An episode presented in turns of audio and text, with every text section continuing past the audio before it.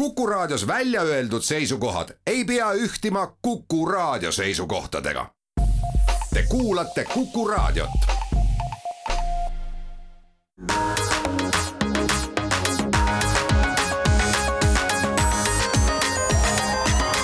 digitund tere hommikust, head Kuku raadio kuulajad, on esmaspäev, neljateistkümnes november ja Digitund alustab. Stuudios on meil Mait Tafenau, Indrek Vaheoja ja Andrus Raudsalu. ja räägime siis möödunud nädala olulistest sündmustest, oli päris selline tehnoloogiamaailma raputav nädal mitmes mõttes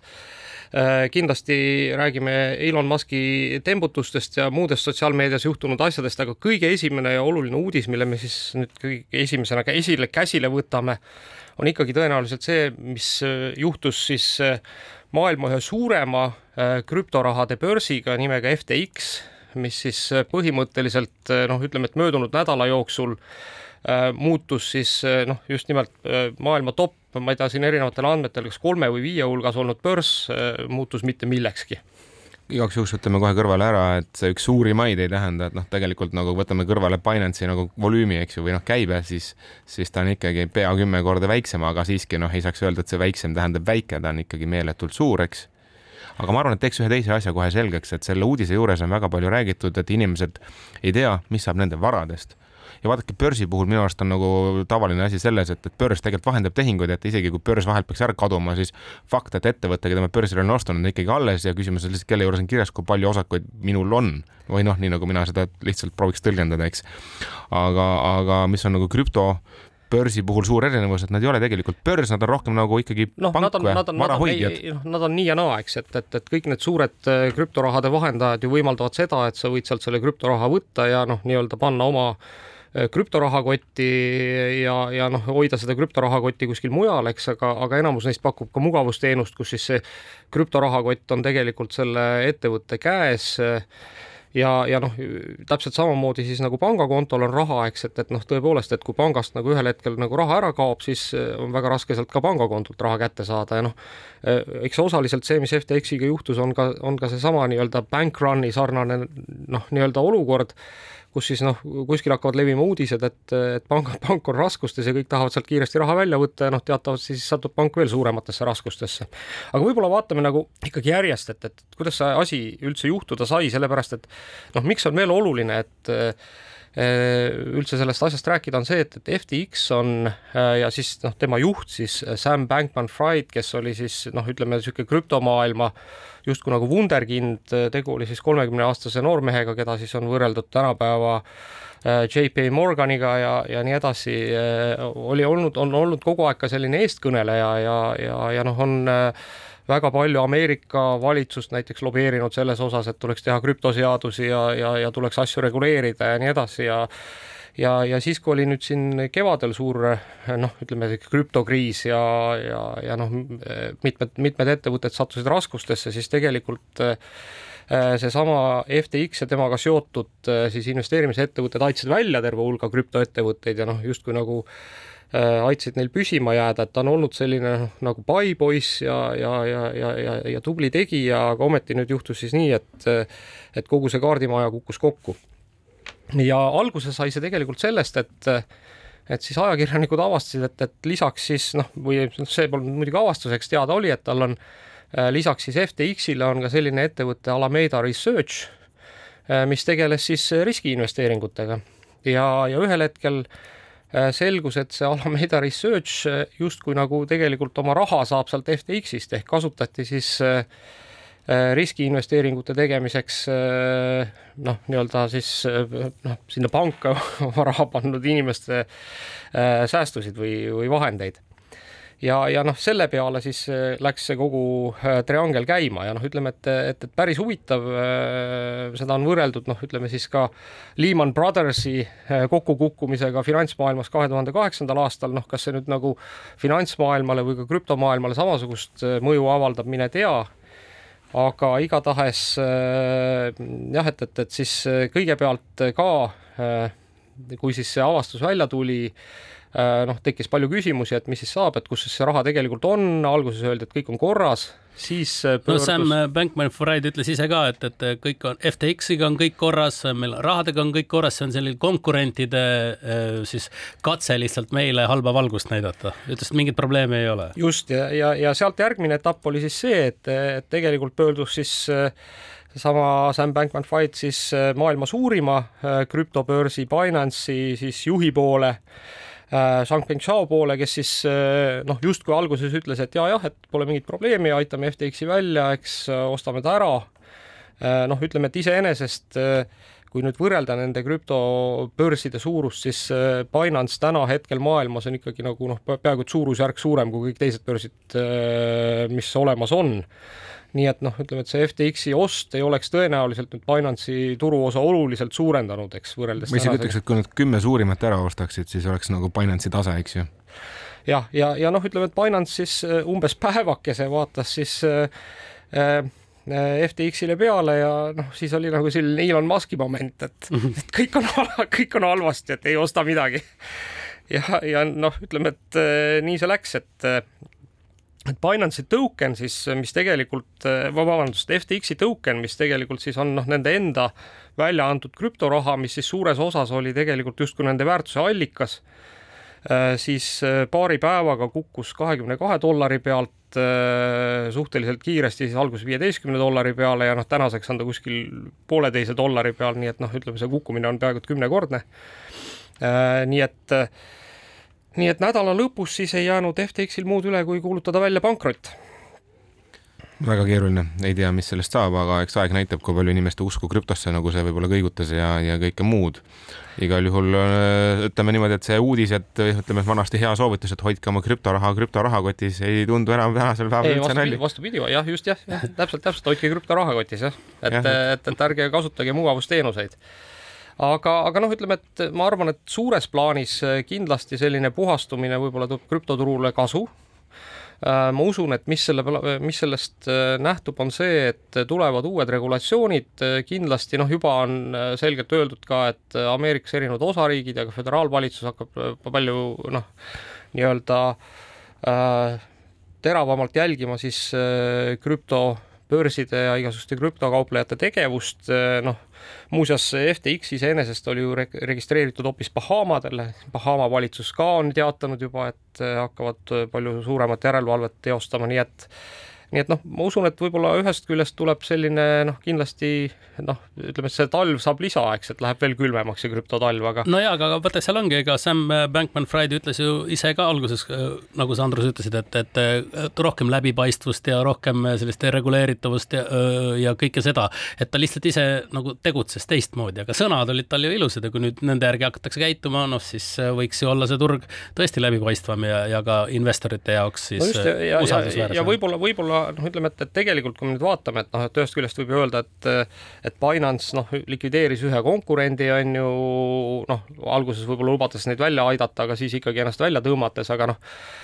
kui ikkagi asi oli nii mäda, et et noh, kuskilt otsast seda nagu paremaks ei saanud, siis ilmselt on väga mõistlik, et Binance sinna raha ei pannud, noh vähemalt Binance jääb puhtaks, eks, et maailma suurim krüpto, krüptobörs on ikkagi puhas. nüüd noh, küsimus on see, et, et, et, et kuidas neid täpselt reguleerida, sellepärast et et eh, noh, ütleme teatavasti kõik need krüptobörsid ju tegutsevad mingites kohtades, kus eh, eh, noh, ütleme, et kas on vähe regulatsioone või pole üldse, sest Binance'il teatavasti ei olegi kuskil headquarter'sit ehk, ehk peakorterit, et seda ongi nagu raske defineerida. noh, FTX-il oli Bahamadel, muuseas nii Binance'il kui FTX-il on siis eraldi noh, nii-öelda üksused on siis Binance US ja oli ka FTX US, kes siis teenindasid Ameerika kliente ja miks, miks need olid eraldi, olid sellepärast, et Ameerikas on ikkagi igasugusel sellisel kauplemisel äh, palju tugevamad regulatsioonid ja noh, ütleme nii Binance'i kui siis FTX-i nagu kauplemine Ameerikas on ikkagi märksa äh, noh, ütleme vähemate võimalustega kui siis nende põhiplatvormil, nii et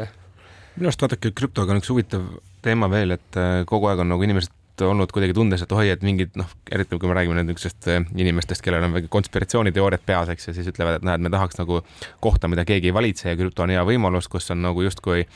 noh, päriselt meil on vabadus ja saame teha, mis taha ja keegi ei kontrolli, ei suuna, ei tee, ei korralda. aga noh, nüüd on hea näide sellest, et kui ikkagi mingi tõsisem pauk ära käib, siis me tegelikult ikkagi tahame, et oleks olemas kusagil kontrollorgan, kes ikkagi auditeerib, valideerib ja veendub, et see asi, mis seal taustal toimub, on ikkagi nagu puhas, korralik ja hea ja hästi hoitud, eks. no vot, siin on, siin on ka see küsimus tsentraliseeritusest ja detsentraliseeritusest, eks, et kui me räägime nagu sellest kõige klassikalisemast äh, krüpto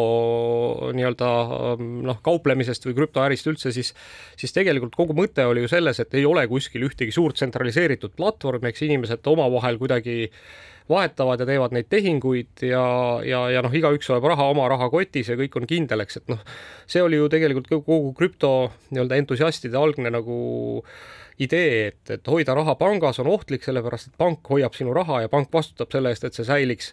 noh, aga nüüd me täpselt samamoodi oleme jõudnud sellest detsentraliseeritud mudelist ikkagi tsentraliseeritud mudeliteni, noh, mis need suured krüptobörsid ju lõpuks on, eks eriti juhul, kui nad hoiavad ka sinu raha, eks enda juures. ja, ja noh, see on puhas mugavusteenus see on lihtsalt mugavam.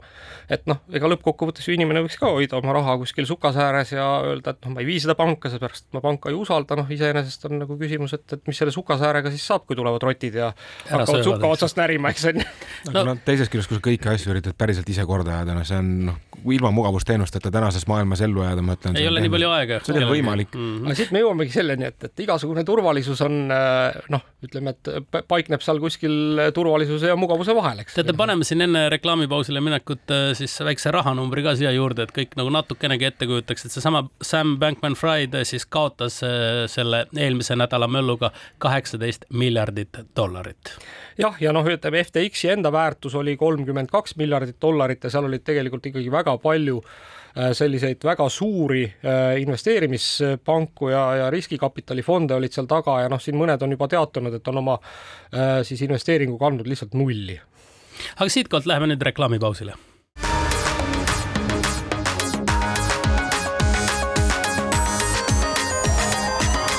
digitund. digitund jätkab äh, digimaailma telgitaguste paljastamist. Äh, stuudios on Mait Tahvenau, Andrus Raudsalu ja Indrek Vaheoja ja ja räägime seda, mis juhtus möödunud nädalal Itellaga, nimelt äh, siis üks häkker suutis Itellast kätte saada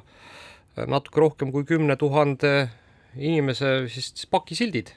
ja õigemini tegelikult isegi, ma saan aru, et üle kümne tuhande inimese ja ettevõtte andmed, tegelikult seal küsimus oli isegi, et kümnest tuhandest pakisildis, vaid kümme tuhat kontot, millele ta sai ligi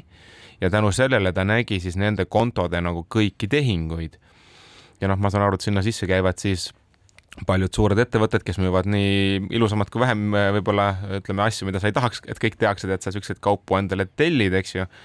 Ja, ja teate, lühidalt ma ütleks niimoodi, et nagu mina aru saan sellest, siis klientide vaikimisi seadistatud parool oli lihtsalt parool, sellega saadi kontole sisse, eks ju, ja, ja, ja ma ütleks kohe siinkohal esimese niisuguse nagu tähelepanu, et et kõik äh, IT-inimesed, kes te panete esimeseks parooliks inimestele, ma ei tea, parool või üks, kaks, kolm, neli, viis, kuus. või siis seesama kasutaja nimi, eks ju. jah, siis mm -hmm. tegelikult äh, see algab kõik teie enda nagu heast tahtest, sest noh, lõppkasutaja võib juhtuda, et kas ta ei märganud teie kirja, oli tal mingi muu asi tähelepanuna või ei pidanud seda oluliseks ja jättis selle vaikimisi parooli alles. nii et kui see vaikimise parool on väga nõrk, siis tegelikult ise sellist parooli pannes loote enda süsteemi turvaauke nojah, ega siin muidugi me jõuame jälle selle mugavuse ja, ja, ja turvalisuse vahepeale, eks, et et aga loomulikult ka kõik need äh, siis äh, kliendid on ju, kes te saate kuskilt endale mingisuguse konto ja kui teile saadetakse parool, ükskõik, kas ta on siis üks, kaks, kolm, neli, viis, kuus parool või mingi keerulisem asi, siis alati, alati igal hetkel, kui te olete selle parooli saanud, ükskõik mismoodi see teile siis saadetakse,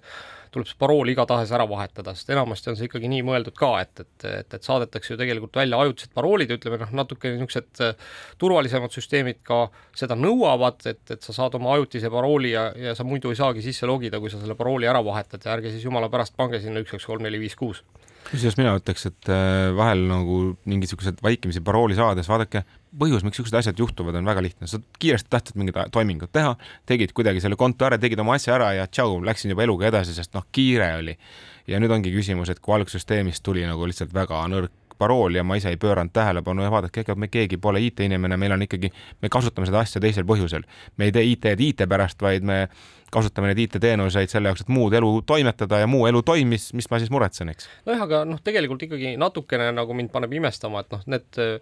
nii-öelda toimimismehhanismid on ju maailmas olemas, eks, et, et, et miks ei või süsteemi disainida nii, et et seesama ajutine parool, mis kliendile saadetakse, et see võimaldabki ainult ühekordset sisse logimist, et igatahes peab klient selle ära vahetama. et rohkem ei saagi, eks. ei ole võimalik seda teha. see on selline asi, vaata, et mis on sinu jaoks elementaarne, mis on minu jaoks elementaarne, et sinu jaoks võib-olla oli sellise parooli vahetamine, minu jaoks äkki ei olnud. ei, aga sa teed süsteemi disainid niimoodi, et sa ei saagi teist korda, sa pead, noh, esimene asi, mis sulle ette tuleb, on ainult sinu parooli vahetus. süsteemi disaineri nagu ütleme, fantaasia küsimus, et noh, et ütleks niimoodi, et mida. kui suurt fantaasiat selleks vaja on, et, et. tead, seal oli vist ka selline asi, nagu meil siin Riigi Infosüsteemi Ameti pressiesindaja on öelnud, et,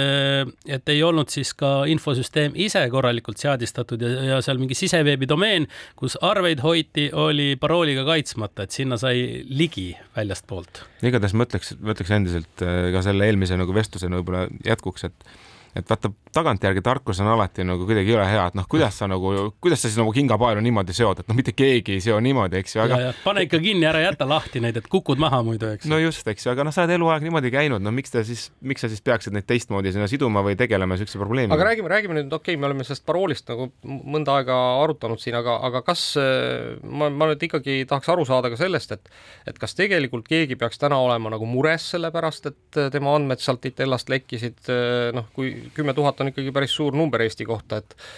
et või, või, või lekkisid sealt mingisugused sellised andmed, mis on kuidagi noh, sensitiivsed või, või, või tegelikult mitte? teate, ma ütleks selle kohta seda, et lekkisid andmed ei ole võib-olla isegi õige pealkiri, me teame, et üks häkker avastas sellise nõrkuse, testis järgi, leidis nagu ligipääsu üle kümnele tuhandele kontole, eks ju, et kas ta neid lekitas, ma väga arvan, et ei lekitanud, muidu ta hoiaks seda oma vaka all ja, ja teeks nendega midagi muud, nii et selles mõttes saadi ligi jah, aga kas ta neid halvasti kasutas, ei. pigem on nagu murekoht selles, et vaadake, kui mina leidsin turvaaugu nii suurest massiliselt ja tegin selle teatavaks, nüüd on raskem küsimus, kui palju varem keegi teine samasuguse probleemi sealt on tuvastanud ja kas tema on seda väärkasutanud, nii et me tegelikult ei tea, kas on lekkinud, risk on olemas, et on, aga kui suur see risk on mm, -hmm. ei tea. no Itella aga... ütleb niimoodi, et nendele teadaolevalt puudutas leke kuuskümmend üheksat äriklienti noh, ütleme no,. jah, ütleme, et kui et näiteks. kellega on, on siis no, ühendust võetud ja teavitatud. äriklient võiks olla, ma ei, ma ei kujuta ette, et mingisugune noh ikkagi suurettevõte, kes võib-olla teeninud või noh, ütleme, et müüb nagu noh, tuhandeid ja tuhandeid nii-öelda tooteid päevas on ju, et noh. noh, sealt tulebki see kümme tuhat. ja ma isegi ütleks niimoodi, et vaadake, küsimus on ka selles, millist muret see võiks, peaks kasutajatele tekitama, et ühest küljest me kõik tellime netist kaupa ja mis siis on sellest, et tellisin kaupu, eks ju, aga vaadake, kui sa tellid mõne kauba mõnest poest, mida sa ei taha, et sinuga kuidagi seondatakse, siis teoreetiliselt võib see sind ikkagi nagu no saab šantaseerida. jah, kuigi selles ei ole midagi halba, on see lõpuks ikkagi kuidagi asi, millest me nagu ei räägi, ei taha rääkida ja nii edasi. no vot, siin me jõuame jälle selle mugavuse ja turvalisuse kohani, et, et, et kui te tahate olla, tellida mingisugust sensitiivset kaupa siis äh, minge tipa-tapa sinna poodi, vajadusel pange endale koroonamask ette ja kapuutsiga jope selga, sest et keegi teid ära ei tunneks. ärge makske sularaha, siis ostke see kaup ära nojah, sest et ärge laske siis... endale seda mugavalt pakiga koju saata. ja siis avastad, et su ülemus on sealsamas poes ja jääd ikkagi vahele kohe, eks ju. või sõber. jah, või sõber. no tead, ma arvan, et järelikult ei ole vaja häbeneda neid asju no jaa, aga, aga tuleb välja, et ikkagi selliseid infosüsteemide probleeme äh, juhtub, äh, möödunud nädalal oli uudis ka selle kohta, et siis Luminori panga klientidel äh, esinesid sellised probleemid, et äh, ühel päeval siis hakkas kaduma nende kontodelt raha ja noh, mis selgus, et raha kadus siis selle tõttu, et kuskil pangasüsteemides oli viga ja ja siis kõik maksed, mis kliendid tollel hetkel siis tegid, kui see viga ilmnes, võeti neilt maha topelt ja juhul, kui neil olid sellel päeval siis laenumaksed maha minemas, siis need läksid ka topelt selle peale meenub see hea vana film Office Space, kes ei ole näinud, soovitan vaadata, see oli see, kus siis äh, pahalased võtsid äh, igal pangatehingult äh, murdosa sendist, eks ju, põhimõtteliselt kõik, mis jäi ümardamisel teisele poole nulli ja. ei, nad nii palju ei võtnud, mis teisele poole nulli jäänud, seal oli ikkagi, nad tahtsid alguses vist mingi tuhandiku võtta, aga ko kogemata võtsid sajandiku ja, ja siis, ja siis sellel noh, mõtlesin, et noh, mis siin ikka ära ei ole, et, et hea pika aja peale koguneb siia arve peale üht koma teist ja siis järgmisel hommikul oli seal arve peal mingi kümme miljardit vist või midagi siukest, eks ole no,, mis ja. oli transaktsioonidest nagu no, tekkinud. muuseas, muuseas, ega see, see, see on ju klassika, see tegelikult Office Space on ilmselt sai ikkagi inspiratsiooni päris elust, päris elust, seepärast et see selline pettus on kunagi maailmas toimunud, noh, tõesti sealt võetigi vist isegi mitte tuhandikku, vaid lausa kümne tuhandiku või noh, ühesõnaga ümardati kõiki tehinguid niimoodi, et et noh, need, need sendid, mis sealt nagu ära kadusid, kellelegi nagu noh, mitte kelleski mingit tähelepanu ei tekitanud, aga lõpuks juhtus ka ikkagi see, et sinna ühele arvele tekkis nagu liiga palju raha, onju, et see hakkas tähelepanu tekitama. no vot, ma lugesin seda uudistest, tekkis siuke hea paralleel, et keegi läks väga ahneks, kuigi olgu peale, et see on nüüd kõik meie nali siin täna ja see tegelikult ei ole tegelik, et tegemist oli lihtsa, tehnilise veaga, aga ütleme niimoodi, et panga kliendi nagu ma oleksin olnud tollel päeval ma ei tea, mingil reisil, eks ju, ja tahad mingit makset teha ja selgub, et sul ootamatult raha ei ole, siis pehmelt öeldes jäeti mind hätta. tead, ma korraks tuleksin tagasi ikkagi selle Office Space'i filmi juurde, soovitaks seda veel, sest seal on ka üks läbi aegade kõige ilusam äh, siis faksimasina, faksprinteri hävitamine, äh, sest kes on kunagi omal ajal proovinud äh, saata mingeid dokumente välja ja sellega hädas olnud, et kuidas ei saa ja, ja kuidas noh, kogu aeg on mingid probleemid, sest nad võtavad selle aparaadi kaasa, viivad ta loodusesse ja peksavad ta puruks muide, ma just lugesin äh, natuke aega tagasi, et, et mis siis on nagu kõige vihatum IT nagu device. Mm. -hmm ja selgus, et see on printer. Ja noh, ja, ja, ja mispärast, eks ma arvan, et meil kõigil on see kogemus, et printeritega ikkagi aeg-ajalt juhtub see, et sa võid selle printeriga olla ühendunud, eriti tänapäeval, kus sa ei pea temaga kaabliga ühenduma, eks, vaid ühendud kuidagi noh, üle õhu näiteks. ja siis noh, noh, mul endal on kogemus, kus lihtsalt mingil põhjusel kolmkümmend protsenti juhtudest printer ei ühendu noh, ajab küll vihale, aeg-ajalt viiks ka metsa ja peksaks. mõtlesin selle jutu peale, et millal ma viimati printisin mina üritasin printida eelmisel nädalal, aga siis tuli välja, et oli kodusesse printerisse tekkinud äh, enne mind teiste kasutajate poolt äh, väikene äh, siis ummistus ja ummistuse likvideerimine lõppes sellega, et keerasin ikkagi printeri lahti kõikvõimalikest kruvidest, mis seal oli.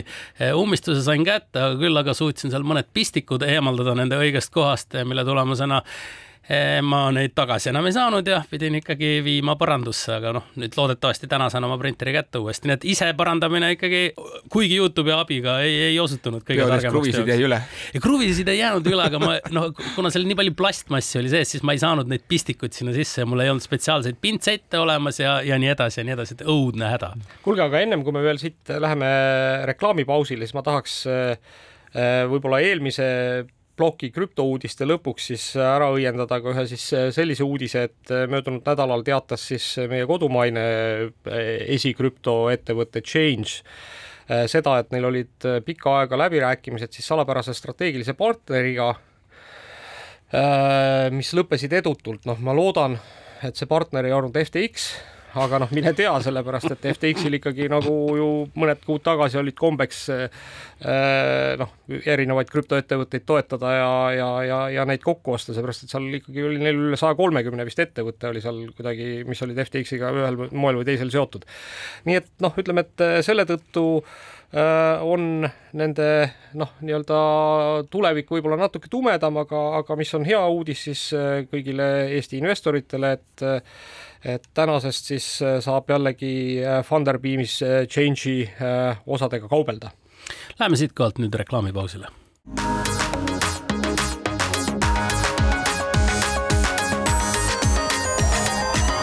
digitund digitund alustab oma teist poolaega, stuudios on Mait Tahvenau, Indrek Vaheoja ja Andrus Raudsalu. Ja noh, kahjuks vist lähinädalatel me ei saa iga, ühelgi nädalal üle ka sellest, et mis toimub Twitteris, kuna seal toimub väga kiiresti, erinevalt äh, siis äh, varast tempost, mis oli suhteliselt aeglane. Äh, möödunud nädalal siis Elon Musk lasi lahti pooled Twitteri töötajad ja noh, ütleme, et lisaks siis sellele ka väga palju töötajaid lahkus omal soovil, nii et üks oluline asi, mida tasub tähele panna, on siis see, et, et noh, siin mõned eksperdid arvavad, et Twitterit võivad ohustada suured trahvid, kuna siis Twitterist lahkus kolm tippjuhti, kes olid siis seotud nii-öelda Twitteri koodi nii-öelda seaduspädevuse verifitseerimisega, ehk tegelikult on siis USA-s on selline süsteem, et et noh, kuna ma ei tea, kohalik siis äh, kaubanduse regulaator, eks ei suuda kuidagi ju verifitseerida ühe ettevõtte koodi ja siis juhul, kui tuleb mingi koodi uuendus või noh, suuremat sorti koodi uuendus, siis on ikkagi ettevõttes siis mingisugused vastutavad isikud, kes kirjutavad sellele alla ja ütlevad, et see on koššer. ehk see siis vastab kõigile seadusepügalatele, noh, Twitter teatavasti on Ameerikas saanud ka trahvi selle eest päris palju, et ta on kasutanud siis isikuandmeid reklaamide äh, sihtimiseks, noh, mida ta ei oleks tohtinud teha kuna ta seda ei öelnud, et ta seda kavatseb teha. ja, ja, ja siis äh, süsteem oli siis selline, et seal oli siis kolm inimest Twitteris, kes siis pidid äh, noh, igale koodi uuendusele alla kirjutama ja ütlema, et, et see on koššer ja noh, ütleme vastasel juhul siis, kui juht, tuleb välja, et see koššer ei ole, siis äh, noh, need inimesed lähevad vangi. ja nüüd need kolm inimest siis, kes olid siis äh, ma üritan need äh, ingliskeelsed nimetused kuidagi eesti keelde tõlkida, ehk siis ähm, andmete turvalisuse vast, eest vastutav pealik, siis infoturvalisuse eest vastutav pealik, siis nii-öelda kogu äh, äh, seaduse, seadusele vastavuse eest vastutav pealik. Ja lõpuks ka siis inimene, kelle mu ametinimetus oli Head of Trust and Safety äh,, kõik Twitterist eelmisel nädalal ka korraga lahkusid, nii et noh, mine tea, mis siis seal ees ootab. aga seal samas oli jällegi üks alles jäänud kõneisikutest ütles seda, et Elon Musk saadab rakette kosmosesse, teda ei huvita need trahvid. Just, just. Noh, samas, samas, samas muidugi Elon Musk ikkagi noh hoiatas ka selle eest möödunud nädalal, et ikkagi Twitterit võib oodata ka pankrot, nii et eh, noh, mine tea, eks, et noh, kuigi seda ma nüüd väga hästi ei usu, et Elon Musk on nõus oma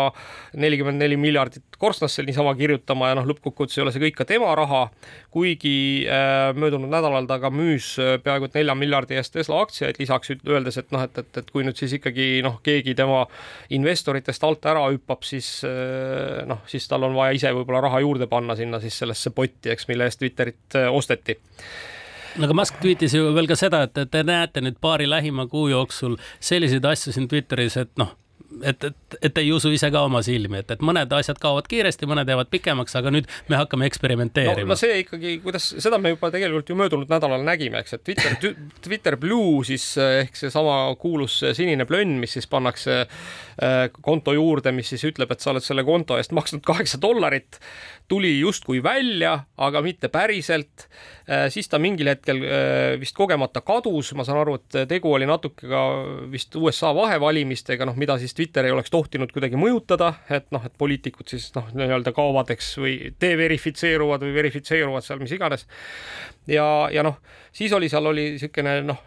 äh, oli, vaata Twitteris oli niisugune official oli kirjutatud mõnede kontode juurde, mis siis äh, märkis seda, et Twitter on siis selle üle vaadanud ja noh, verifitseerinud, et tegu on siis ametliku mingisuguse kontoga, noh, ma ei tea, a la, jah, a la Valge Maja või mm -hmm. ma ei mhm. tea, eks see on ju siis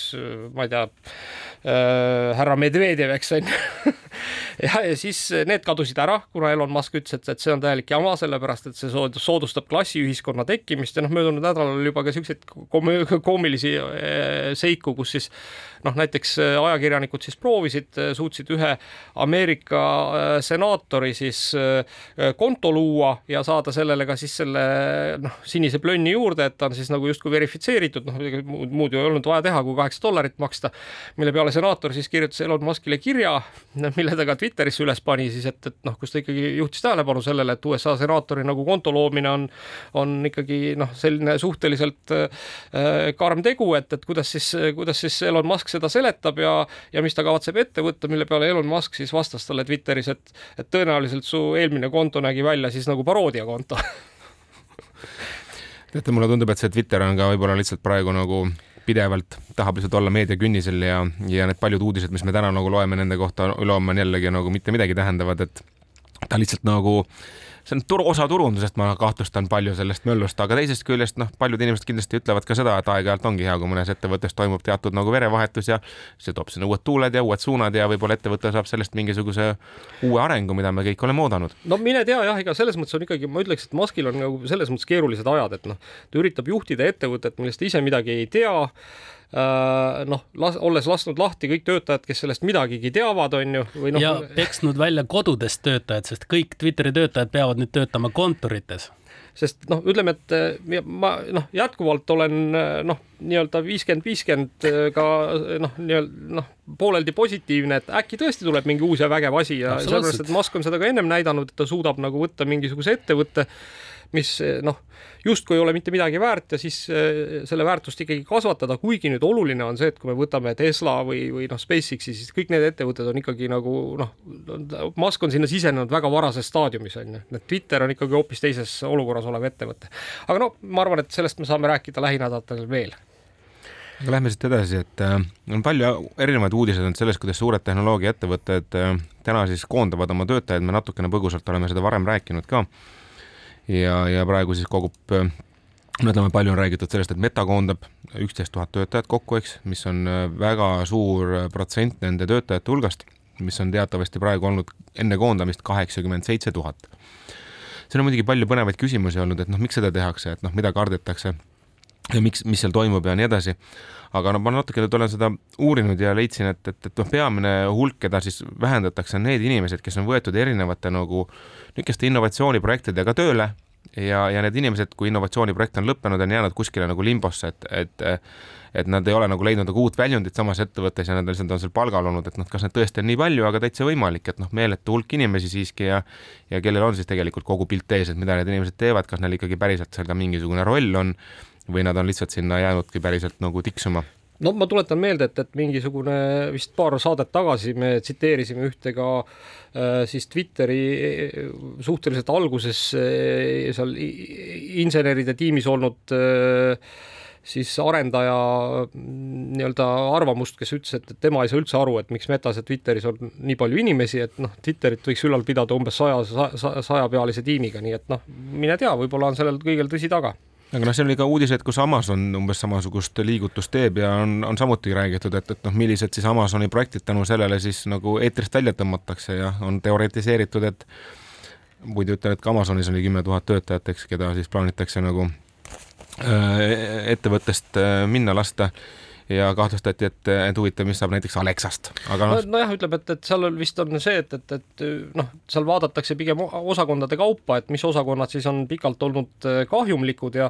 ja siis Amazoni see riistvaraosakond nimega Amazon Devices on olnud äh, pikaajaliselt äh, kahju, kahjumlik, tootes umbes viis miljardit Ameerika dollarit kahjumit aastas ja noh, tõepoolest see on see osakond, mis muuhulgas siis ehitab ka Alexat, aga noh, ma millegipärast ikkagi kipun arvama, et et ehk see Alexa jääb alles juures, et, et, et küllap seal on ka asju, millest me ei teagi, eks ju midagi, noh, et me oleme isegi rääkinud mingisugustest Amazoni seadmetest ja alles hiljuti, kui need uudised olid, siis meil tekkis palju küsimusi, mis asi see on, eks ju, et. ja, aga Amazon, ma ei tea, kas nüüd selle valguse peale on hakanud siis teada andma, et neil on küll kohe ilmumas siis üks uus pakidroon ja ka uus laorobot, võib-olla just, et noh, näidata, et me teeme ikkagi tööd, et meid ei ole vaja kohe koondama hakata, aga uus siis pakidroon MK kolmkümmend on siis küll sama kandevõimega nagu eelmine, umbes siis kaks kaks kilo, eks ole, aga suudab siis, eh, kuna ta on kergem, väiksem ja vaiksem, paremini hakkama saada halva ilmaga ja kaks tuhat kakskümmend neli peaks siis eh, minema ta juba noh, nii-öelda kaupa kohale vedama. kusjuures ma ütleks siia otsa veel ühe siukse tähelepaneku, et et ma arvan, et äh, kui nii palju inimesi nagu turul tekib ootamatult nagu vabaks põhjusel või teisel, eks ju, et, et oletame, et noh, tõesti võib-olla innovatsiooni siis tõmmatakse natukene tagasi ettevõttes. ma arvan, et need inimesed ei ole üldse nagu rumalad inimesed, kes turule tekivad ja võib tekkida uus sihuke startup'ide laine, eks ju, et et noh, ma arvan, et ka need ettevõtted, kus nad töötasid, ka noh, palka said nad seal tegelikult väga väärikalt ja suudavad päris tükk aega hakkama saada selle rajalt ja ja tulla lagedale millegi uuga, nii et isegi kui tekib meil mingisugune ajutine tagasilöök, siis ma arvan, et kahe-kolme aasta pärast võib olla väga palju lahedaid uusi innovatsioone, mis on tulnud tänu sellele, et nad on saanud töötada nii suures ettevõttes, näha asju teise nurga pealt ja lahendada probleeme niimoodi, nagu me kunagi ei ole seda osanud arvata. noh, või teine võimalus on see, et nad lähevad mõnda teise suurde ettevõttesse, kes täna ei ole nagu väga innovatiivne olnud ja siis ja viivad innovatsiooni sinna, hakkavad seal eks innovatsiooni arendama, et noh, et võtame kas või kõik suured kaubandusettevõtted, eks, kes ikkagi kõik on nagu Amazoni kuskil sabas sörkinud, eks, et miks mitte siis äh, üritada sealt äh, nendest Amazoni töötajatest kedagi enda juurde saada ja, ja ka ise siis äh, olla kaasaegsem. kusjuures korduvalt on ka ajalugu näidanud, et sama idee uuesti teostamine ei ole alati fail, et võib juhtuda, et sa lihtsalt nagu ei tabanud õiget asja või andsid liiga ruttu alla. või ei olnud aeg õige lihtsalt selle jaoks. jah, jah, et selles mõttes ka sellisel juhul uus tulemine, eks ju, ja töötajana jällegi, kes sa oled seda teinud, sul on tegelikult väga tugev visioon ja arusaamine, mis võib-olla isegi oli, on parem kui sellel inimesel, kes juhtis kogu seda suunda. tead, üks mm, Amazoni uus produkt jäi veel nimetamata, see on siis äh, laotööde robot nimega Sparrow ja see on siis robotkäsi, mis kasutab arvuti nägemist toodete liigutamiseks ja, ja enne nende pakkimist ja väidetavalt äh, siis suudab tuvastada praeguse seisuga umbes kuuskümmend viis protsenti siis Amazoni äh, tootevarudest, et tunneb siis ära ja, ja see peaks olema ka selline uus, uus ja päris Äh, aega ja, ja raha kokkuhoidev noh, riistapuu Amazoni äh, toimetamises. nojah, me ju mäletame ikkagi kõik seda, et, et tavaliselt Amazon, eks enne jõule näiteks oma töötajaskonda kasvatab kuskil, võttes muuseas seesama see kümme tuhat koondamist, eks. laostaffi juurde, eks ju. tavaliselt enne jõule nad võtavad umbes kümme tuhat inimest juurde vähemalt onju, et et noh, et, et võib-olla sealt ühelt poolt koondavad, teiselt poolt võtavad juurde, aga need on muidugi hooajatöölised, et noh, et, et siukeste asemel on see Sparrow ju super luks, eks, et, et, et tegelikult noh, ega me jõuame ikkagi väga kiiresti sinna, kus siuksed nürid tööd peavadki robotid tegema neid, eks muidugi no,. keegi ei tahagi, mõtle, sa oled eluaeg koolis käinud ja mille nimel siis, et teha mingit paki tõstmist aga lähme siit nüüd reklaamipausile ja oleme varsti tagasi.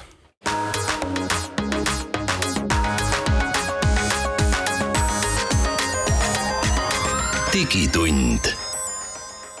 tere tulemast tagasi Digitundi, stuudios on Mait Tafenau, Andrus Raudsalu, Indrek Vaheoja ja eh, ratsutame siit veel eh, uudistest üle ja Hiinas toimus siis eh, kuni kolmeteistkümnenda novembrini tehnoloogiamees Airshow China ja näidati seal siis päris põnevaid uusi, mm, no ennekõike sõjanduse siis aparaate. Jah, ja robotkoera näidati, robotkoeri on seal varem ka näidatud, eks ole, aga nüüd oli siis robotkoer ühendatud ka automaatrelvaga, mis siis võib olla kas siis väike kahur või, või ka isegi kuulipilduja ja siiamaani on see siis tagasilöögi tõttu olnud üsna suur tehniline väljakutse, et see roboti ümber ei kukuks, eks ole, ja saaks korralikult toimetada, aga no nüüd on siis väidetavalt kuigi laskmist ei ole veel näidatud, on väidetavalt siis tõesti see tehnoloogiline läbimurre tehtud ja robotit saab juhtida siis kas siis puldiga või ka siis tahvelarvuti kaudu. aga mis on põnev, on see, et võib see robot toimetada ise siis täiesti automaatses režiimis, et valida ise siis noh, sihtmärki, keda tulistada, kuidas tulistada ja mismoodi, et see, see on päris palju tekitanud selliseid küsimusi. no vot, vot mul tuleb kohe see üks Black Mirrori osa meelde, kus oli ka robotkoer, kes inimest jälitas, eks, ja ei tahtnud kuidagi alla anda ja ja, ja minu arust see robotkoer veel enda seest lasi välja ka drooniparvesid, eks, mis oli teine asi, mida need hiinlased seal Täpselt, näitasid. ja hiinlased näitasid siis drooniparve tehnoloogiat, mis siis äh, saadab äh, kuskil kaheksateist lahingudrooni välja, mis võivad siis olla nii sellised droonid, mis valivad endale sihtmärgi ja hävitavad selle lõhkelaenguga või võivad olla ka siis luuredroonid, mis siis annavad, äh, teostavad vaatlust, annavad sihtmärkide koordinaati ja tegutsevad siis omavahel noh, kooskõlas ja, ja koordineerivad koordineeritult ja, ja lahendavad väga-väga keerulisi ülesandeid, nii et, et noh, tulevikusõda saab olema ikkagi droonisõda. ja kusjuures droonidest rääkides, siis eh, möödunud nädalal oli ka tore uudis sellest, et et me mäletame, et Sevastopoli siis äh, mereväebaasi ründasid Ukraina meredroonid ja nüüd Ukraina on siis teatanud seda, et nad kavatsevatki endale arendada suure droonilaevastiku, mis koosneb lausa sajast droonist ja noh, ütleme, et see on siis noh, tõepoolest ka selline noh, nii-öelda vees olev drooniparv, eks, et, et mis suudab siis äh, väga edukalt äh, vastase sõjalaevu maha võtta tead ausalt öeldes mul tekib natukene judin peale, kui ma mõtlen kõik selle ai võimekuse peale ja kuidas need kõik need iseõppivad droonid meil siin käivad, et noh, kui muidu oli see, et, et noh, mingi droon ründas, keegi pidi teda juhtima ja me tegime mingi segaja, mis siis segas selle signaali ja droonist siis sisuliselt noh, sai mitte midagi, ta kaotas põhimõtteliselt väärtuse. aga noh, see, et tuleb mingi robotkoer, kes otsib teeb, noh, ühesõnaga ma kujutan ette niisugust parvet no,. kusjuures ega seal drooni juhtimisel oli ju teine põhjus ka, eks, et, et seal oligi ikkagi see, et noh, et, et selle lõpliku otsuse langetab inimene, eks, et, et kas teha siis see nupule vajutus või mitte, eks, ja noh, ja noh, ütleme, et noh, filmides juba tänapäeval on näha, eks, et kuidas need inimesed, noh, mis siis, et nad istuvad kuskil konteineris võib-olla ma ei tea, sada või tuhat kilomeetrit eemal, eks on ju, kuidas nad ikkagi läbi elavad seda, eks, et, et, et seda nupule vajutust, aga noh, ma arvan, et noh, ma ei tea, kuidas sellele ai-le seda südametunnistust just niimoodi süstida. jah, saad öelda, et sõda on läbi ja ikka hulguvad ringi veel siin kuskil, jumal teab kust ühermaa. no eks see on täpselt sama nagu miiniväljad, eks on ju, et, et, et noh, mille koristamisega, eks tulevikus on võib-olla see, et noh, et et mitte ei pea ainult miine koristama, vaid on, tulevad ka robotkoerapüüdjad, eks, kes seal käivad nagu kümneid aastaid ringi ja püüavad. tead, kui see asi oleks nüüd niimoodi, eks ole, et robotid võitlevad, droonid tulistavad ja inimesed seal hukka ei saaks, vaid vaatavad seda kõike otseülekandes internetist, siis ei olekski asi nii hull, aga tegelikkuses on asi ju selles, et, et inimesed hukkuvad ja vot see Nemad on probleem. sihtmärk, eks ju, et ei ole teine droon sihtmärgiks, eks ju, ja kui me räägime nagu sellest, et kas te mäletate, kui palju on meie Eestis viimasest sõjast möödas neid miine tuleb siiamaani välja iga aasta, nii kui tuleb kevad jälle maa seest no,. mitte ainult maa seest, mõtleme mere peale, kui palju seal ja. on ka esimesest maailmasõjast ja, ja võib-olla veel varasemast ajast lõhkekehi, nii et, et ega see on suur-suur probleem tegelikult. ja et kui palju seda kasulikku pinda meil lõpuks alles jääb. no vot, aga rääkides tehisintellekti ohjeldamisest, siis äh, hoopis teisest vallast, siis niisugune äh, äh, internetisait nagu DeviantArt, mis siis äh, kogub erinevate noh, netikunstnike töid enda juures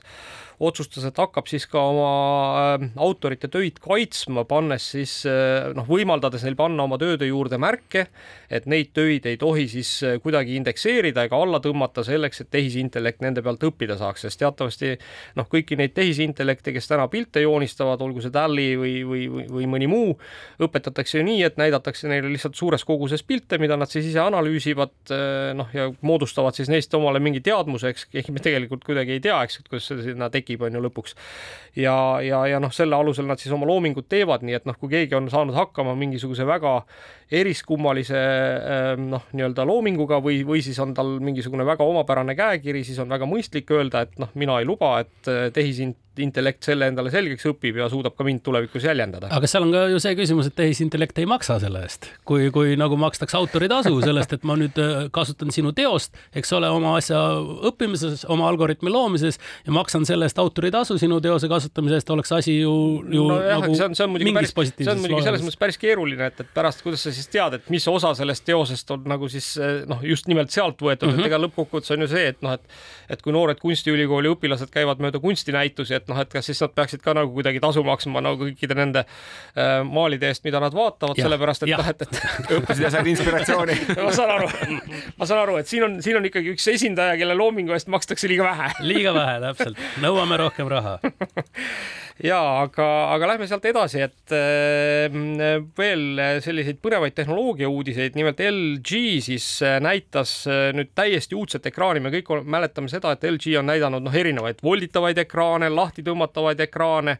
Ja nüüd siis näidati täiesti siis noh, noh põhimõtteliselt nagu kummist ekraani, mis näeb välja nagu kile, mida saab venitada noh, suvalise pinna peale, noh, ma ei tea, luues siis minu pärast noh, ma ei tea, näiteks võid endale kodus diivani, noh teoreetiliselt, eks võid diivani peale tõmmata ja siis noh, ma ei tea, diivan hakkab sulle pilti näitama, eks mis on tegelikult selles mõttes üsna jällegi revolutsiooniline, et sul on võimalik, vaata, tavalise ekraani puhul on see, et ta peab ikkagi mingi kujuga olema. aga see, et sa saad tõest-, tõesti teda nagu panna niisugusele mullilisele pinnale näiteks ja ta ongi selline mulliline ja täitma mingeid rolle seal sees, eks ju, et noh, seal tekib võimalik disainida täiesti uut tüüpi tooteid ja selles mõttes ma peaks ütlema. noh, sa saad teha näiteks jope on ju, mis on nagu üks päev on ühe brändiga, teine päev on teise brändiga või T-särgi, eks ju, et ühel päeval on üks silt rinna peal, teine päev on teine silt rinna kui peal. kui ülekanne tuleb, siis see silt muutub ja, kohe, eks ole. aga no vaata, kujuta ette, et sul on ka reljeefne sein näiteks ja tihti on see asi, et me ei taha sinna panna seda siledat telekat sinna, aga me tahaksime seal mingisuguste kuubikute peal informatsiooni näidata, et kui palju kergem on teha, et sul ei ole vaja kümmet pisikest ekraanikest, vaid ikkagi üks kumm, mille sa siis äh, fit'id selle ekraani peale või selle seina peale. või noh, näiteks on võimalik hakata siis tegema ikkagi selliseid pindu, noh, ütleme, et äh, siin on hea näide on Amazoni Kindle'ist teatavasti on niisugused paketid, eks, et sa võid selle Kindle'i osta nii-öelda noh, maksta täishinda, aga maksta ka natuke vähem ja siis, kui sa maksad natuke vähem, siis sellel hetkel, kui Kindle oma ekraani välja lülitab, siis ta näitab, hakkab sulle reklaami näitama seal ekraani peal, eks on ju. et, et noh, ütleme, et on võimalik teha ka näiteks noh, ma ei tea, tehagi näiteks diivan on ju sellest samast äh, materjalist, eks ja ja noh, ütleme, et siis maksad näiteks diivani eest täishinna, noh siis saad valida, et kas on lilleline, ruuduline või midagi muud, on ju. aga kui maksad näiteks pool hinda, siis noh, pool aega on lilleline või ruuduline, pool aega näed reklaami seal diivani peal. kuule, aga ma viskaks siit kohe järgmise teema, et, et äh, selle jaoks, mille jaoks neid ekraane kõiki vaja on, et meil on paljud inimesed ennustanud, et jah, et viimane, viimane teema on kogu aeg olnud sellest, et vaatame kõiki asju järele, vaatan siis, kui mulle sobib, aga teate, selle järelevaatamisega on alati see asi, et kui ma saan seda igal ajal vaadata, mis juhtub noh, lükkad ikka edasi, edasi, edasi. küll ma vaatan, küll ja, ma jõuan vaadata ja, ja lõpuks ei vaatagi. just täpselt nii ja Netflix hakkab järgmisest aastast pakkuma ka live streaming uid. aga sa tahad nüüd öelda, et seda live streaming ut järele ei saa vaadata või? võib-olla saab muidugi, aga vaadake vaadake, sellega on alati kaks asja, et isegi kui saad, võib-olla saad seda vaadata hiljem ja teine asi on selles, et noh, üks asi on selles, et, et kui sa vaatad suvalisel ajal, siis sa tajud seda suvalisel ajal, aga tegelikult kui midagi toimub nüüd ja täna, täna õhtul Saku Suurhallis, täna õhtul kuskil kontserdisaalis see, homme kõik räägivad sellest ja kui nüüd Netflix toob ka selle raja, et, et vaata, uus sari tuli välja sa ikka räägid sellest, aga nüüd toimuvad ka laivis, sa said osa sellest samal hetkel, kui see toimus, mitte siis, kui see oli kusagil kuskil ära olnud. ei tohi unustada seda, et hästi oluline tänapäeval on ju ka kogu selles influencer'i maailmas see, et sa oled esimeste seas, kes selle info edasi jagab, eks ole, et kui ja. Chris Rock siis oma live stream'i seal Netflixis ära teeb, et sa sellel ajal oled siis sotsiaalmeedias, kas siis Twitteris või kus iganes, sa juba jagad seda infot edasi, et et see on väga tähtis, et võib-olla meile see tundub, noh, mis see siis ära ei ole, ma võin homme ka vaadata, aga aga on selliseid elanike gruppe, kellel on see nagu ainu, ainuoluline. ma ütleks niimoodi, et minu arust see nüüd ja praegu ikkagi maksab alati, see ikkagi praegu, praegu toimub ja see, et niisugune funktsionaalsus tekib, see on väga tore, muidugi ma kujutan ette tehnoloogia uudise koha pealt nüüd teisest küljest. no kujutage ette, Netflix on üks maailma suurimaid videoplatvorme, eks milline võrguliiklus tegelikult seal taga toimub, et noh, ma olen aastaid ka ise nagu oma töös kokku puutunud otseülekannete tegemisega ja ja ma ütleks, et noh, see, et me vaatame Youtube'i suvalisel ajal 4K-s ja mis iganes, kõik on olnud väga lihtne, sest see määrdub ära kahekümne nelja tunni peale väga sujuvalt. aga vaat see, et me nüüd ja praegu kõik korraga seda vaatame. koormused lähevad väga suureks. internetiteenuse pakkujatele teeb ikka tõelise väljakutse nii, kuulge, aga nüüd äh, me peame hakkama saadet kokku tõmbama, lihtsalt äh, viimaseks lõpuks ma tahaks veel ühe hoiatuse inimestele anda, et äh, nimelt siis teatavasti toimub praegu suur kliimakonverents Egiptuses ja kliimakonverentsi äpp siis on noh, selline, mis on tehtud selleks, et inimesed saaksid seal ringi käia, eks teaksid, mis track'id kuskil jooksevad ja nii edasi, siis see äpp küsib ikkagi selliseid andmeid telefoni käest, mis noh, põhimõtteliselt ütleme, et seda äppi siis installides on võimalik selle telefoni kasutaja järgi igatepidi nuhkida, saada ligi siis tema kaamerale, mikrofonile, lähedal asuvatele seadmetele, sellele, kus ta asub ja, ja maha installida saab seda ainult niimoodi, et tuleb ekraani või sellele telefonile ikkagi teha täielik tehase seadmete taastamine, nii et tasub olla ettevaatlik, mida te oma telefoni installite, eriti kui te lähete järgmisele konverentsile, vaadake väga äh, siis tä täpselt, mida see äpp teilt küsib. Ja selle sellega oleme sunnitud tänase saate kokku tõmbama, kuna aeg on läbi, kohtume nädala pärast.